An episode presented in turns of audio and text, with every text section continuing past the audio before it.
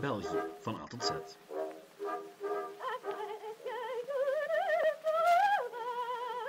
Welkom bij Geschiedenis van België. En welkom bij letter W. W voor Waals. Waalse haan in dit geval. Dit blijft eenmaal een podcast die zich voornamelijk met België bezighoudt en dus lijkt het mij maar logisch dat na de Vlaamse leeuw vorige week we deze week wat aandacht besteden aan de Waalse tegenhanger. De Waalse haan dus. Een symbool dat de meeste van mijn luisteraars wel zullen kennen, maar waarvan weinigen ook echt weten waar het vandaan komt. Op die vraag en nog vele anderen krijgt u vandaag een antwoord. Welkom bij België van A tot Z. Wallonië is ehm, ingewikkeld. En dat heb ik eerlijk toegegeven tot nog toe te weinig toegelicht. Deze podcast mag dat wel geschiedenis van België heten. Wel, op het einde van de dag blijf ik van oorsprong Nederlandstalig en dus ook Vlaming. Wat ervoor zorgt dat ik een vlinde blik heb wat betreft delen van de Belgische geschiedenis. En dan vooral die aan de Franstalige kant van de taalgrens. Over die taalgrens heb ik het binnen een week of twee, maar dit lijkt me een goed moment om mijn eigen tekortkomingen eventjes met u te delen. Ik heb geschiedenis gestudeerd aan de UGent en hoewel ik vijf jaar later er nog steeds rotsvast van overtuigd ben dat ik daar een geweldige opleiding heb genoten, moet ik wel toegeven dat er enkele hiaten in zaten. Zo weet ik perfect welke bronnen ik gebruiken moet om de Vlaamse beweging, de middeleeuwen, de Franse bezetting en dergelijke te bespreken, maar dat geldt niet echt voor de geschiedenis van Franstalig België. Wat een lange omweg is om het volgende te zeggen. Het zou wel eens kunnen dat ik een foutje maak in wat volgt, of in elk geval de Franstalige geschiedschrijving en de Franstalige kant van de zaak niet genoeg zal vertegenwoordigen. Wat trouwens ook geldt voor alles wat hier aan vooraf gegaan is. Ja, deze podcast noemt geschiedenis van België, maar als het erop aankomt, baseer ik me de eerste plaats op Franstalige en Engelstalige literatuur. En baseerde. Want hoe langer hoe meer probeer ik wel na te gaan wat men aan de andere kant van de taalgrens denkt over de onderwerpen die ik aansnij. By the way, het was heet niet noemt. Alsjeblieft, vervolg mij niet. Nu, als u opmerkingen hebt wat betreft de inhoud van deze aflevering of tips uh, voor Franstalige literatuur over de Belgische geschiedenis, laat me dan vooral weten. Oké, tot daar. Laten we het nu hebben over de Waalse haan.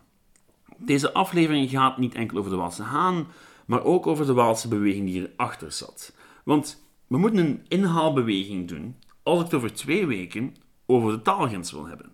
Want over het Vlaams nationalisme heb ik het wel al een beetje gehad. Nu, in het volgende seizoen van deze podcast zal ook Brussel wat extra aandacht krijgen. Want, uh, tja, het lijkt er hoe langer hoe meer op dat Brussel nog Waals, nog Vlaams is. En niemand lijkt goed te weten wat Brussel dan wel mag zijn. Het is dus misschien wel heel boeiend om wat meer tijd te gaan spenderen aan die Brusselse geschiedenis. Maar goed, dat is voor binnenkort. Vandaag beginnen we met Wallonië. De term Wallonië komt van wal of walhats. Excuseer mijn uitspraak. Een proto-Germaans woord dat doelde op niet-Germanen en dan specifiek Romeinen of Kelten. Een term die dus vooral gebruikt werd voor geromaniseerde Kelten ten tijde van de Germaanse invasies. En die dus niet enkel gold voor de Gallo-Romeinen in onze regio's. Denk bijvoorbeeld aan Wales, de plek waar de laatste Romeinse Kelten een veilige thuis vonden ten tijde van de Germaanse inval. Over de hele Germaanse wereld en ver daarbuiten werd Wals, Welsh of Walsch gebruikt om Romaanse groepen aan te duiden. De term Wallonië en Waals heeft dus een eeuwenoude oorsprong. Het gewest Wallonië dat we vandaag kennen en haar symbool, de Waalse haan, niet. En ook al heeft dat historische graafschap Vlaanderen bitter weinig te maken met het huidige gewest, toch er is een ja, al dan niet glorieus Vlaams verleden waar men op terugblikken kan. De Golden Sporenslag bijvoorbeeld was zo'n gebeurtenis die in de 19e eeuw tot een epische status verheven werd. Niet dat Wallonië geen uiterst boeiende geschiedenis heeft. Natuurlijk wel. Gewoon niet als Wallonië. Wel als het graafschap Naam, het prinsbisdom Luik, het graafschap Henegouw, de stad Doornik, enzovoort en zo verder. Het merendeel van de regio wordt dan wel verenigd onder de Bourgondiërs, maar in die unie zaten evengoed Holland, Brabant, Vlaanderen en anderen. De eerste keer dat je met wat goede wil van Wallonië spreken kan, is in 1579. En nu hoop ik dat bij een deel van u een lichtje gaat branden, want 1579 is een jaar dat ik twee weken geleden uitvoerig met u besprak toen ik het over de opstand had en, jawel, de Unie van Atrecht. U weet wel, de Unie van Atrecht, dat verdrag waarmee een deel van de zuidelijke Nederlanden zich losscheurde van de opstandige gewesten en zich verzoenden met Philips II. Nu, op zich is het wel begrijpelijk om in die Unie van Atrecht een voorganger van het huidige Wallonië te zien. Waar je het niet dat een groot deel van die Unie een kleine honderd jaar later deel zou uitmaken van Frankrijk. Dus, ja, waar kent Wallonië dan wel zijn oorsprong? Het meest eenvoudige antwoord is in België. Na 1830 dus. En eigenlijk zelfs al later, al hangt het er een beetje vanaf aan wie het vraagt. Vraag je het aan Vlaamse historici, dan krijg je meestal het volgende antwoord. Op de Belgische taalpolitiek entte zich de Vlaamse beweging, die een tegenreactie opriep in de vorm van de Waalse beweging. Dat is een rechtstreeks citaat van Maarten van Gindrachter, maar de betekenis vind je zowat overal terug aan de Nederlandstalige kant. Namelijk dat de Waalse beweging in grote mate een reactie was op de Vlaamse. Iets wat aan Franstalige kant zelden zo expliciet naar voren wordt gebracht, maar evengoed nooit ontkracht wordt. Feit is dat in Wallonië steeds heel krachtige regionale identiteiten bestaan hebben, die vaak maar moeilijk met elkaar door één deur konden.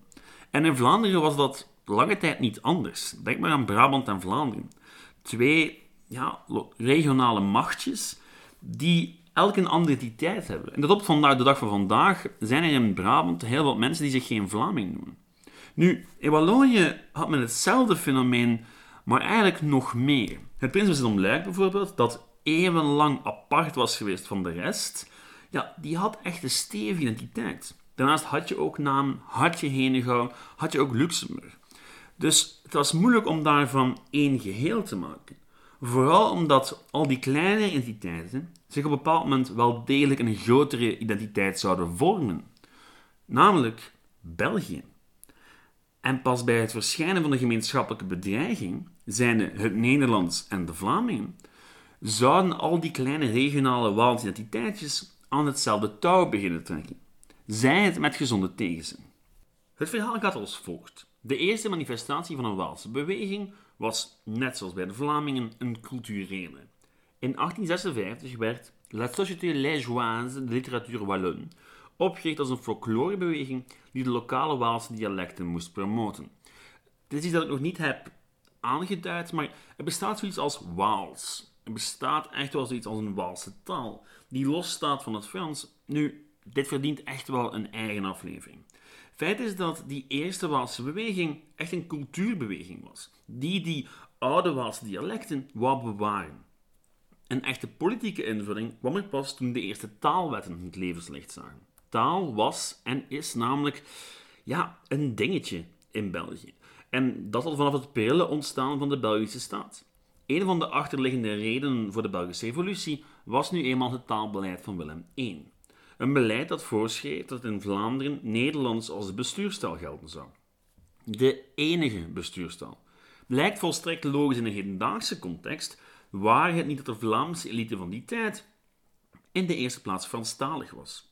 Na de revolutie werd dan ook de algemene taalvrijheid ingeschreven, wat in de praktijk neerkwam op het gebruik van Frans als enige officiële taal.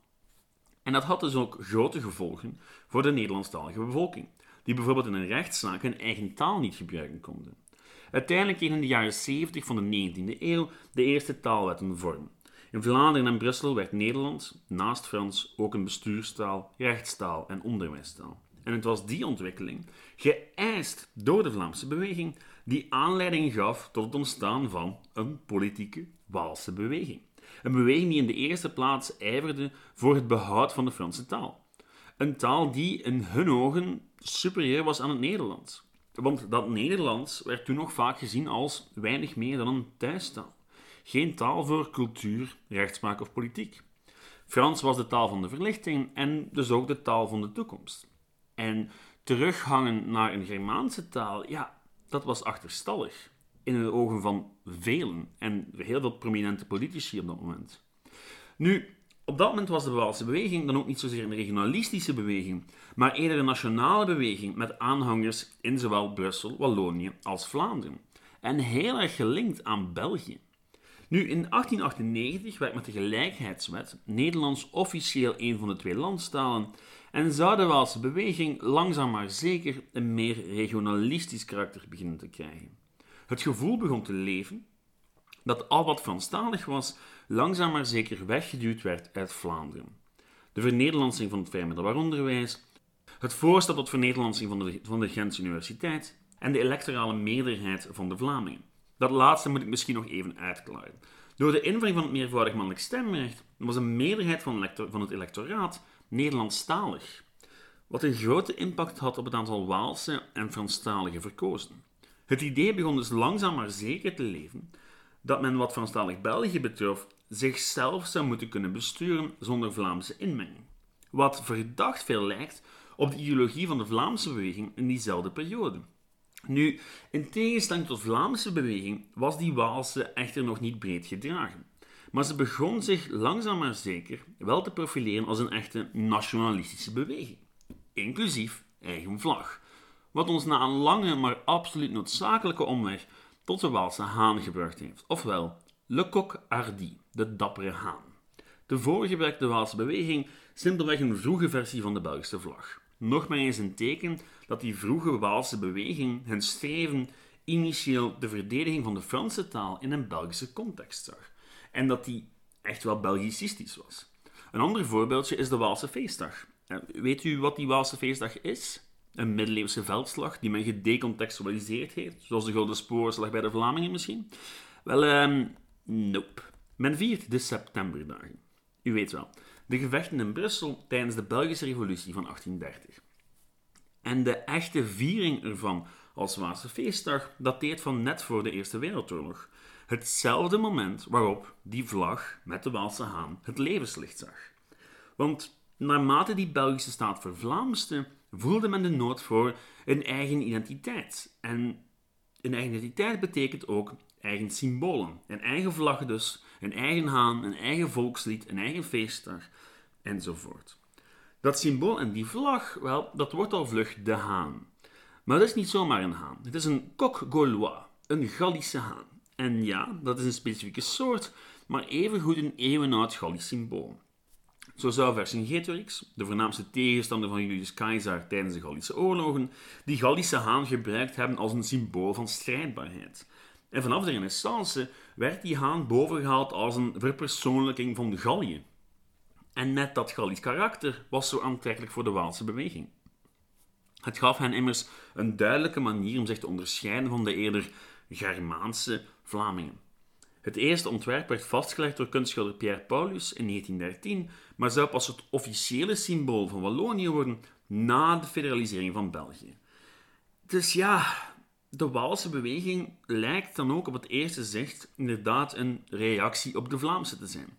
Zij het met minder impact op de publieke opinie en ja, een politieke realisatie die pas veel later zal komen. Nu zou ik verder kunnen gaan met het verhaal van de Waalse beweging, want eerlijk toegegeven, het is heel erg boeiend, maar dat reserveer ik liever binnen twee weken, als we het gaan hebben over de taalgrens. Dat was het voor vandaag. Opnieuw een kortere aflevering. Het is wat druk geweest met de feestdagen. Maar ja, met die aflevering over de taalgrens uh, in de toekomst, denk ik dat het wel goed is dat ik hier wat voorbereidend werk heb geleverd. Wat de bronnen van deze aflevering betreft, vindt u in de descriptie een link naar het manuscript van Maarten van Gindrachter, Het Kraaien van de Haan. Daarin vindt u een heel handig overzicht van Waals nationalisme.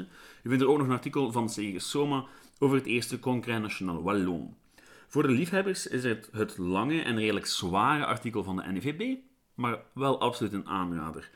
En daarmee sluit deze podcast af voor het jaar 2020. Zou ik van de gelegenheid gebruik maken om je te bedanken voor het luisteren en alle berichtjes en mails. Uh, die maken mij vaak heel blij.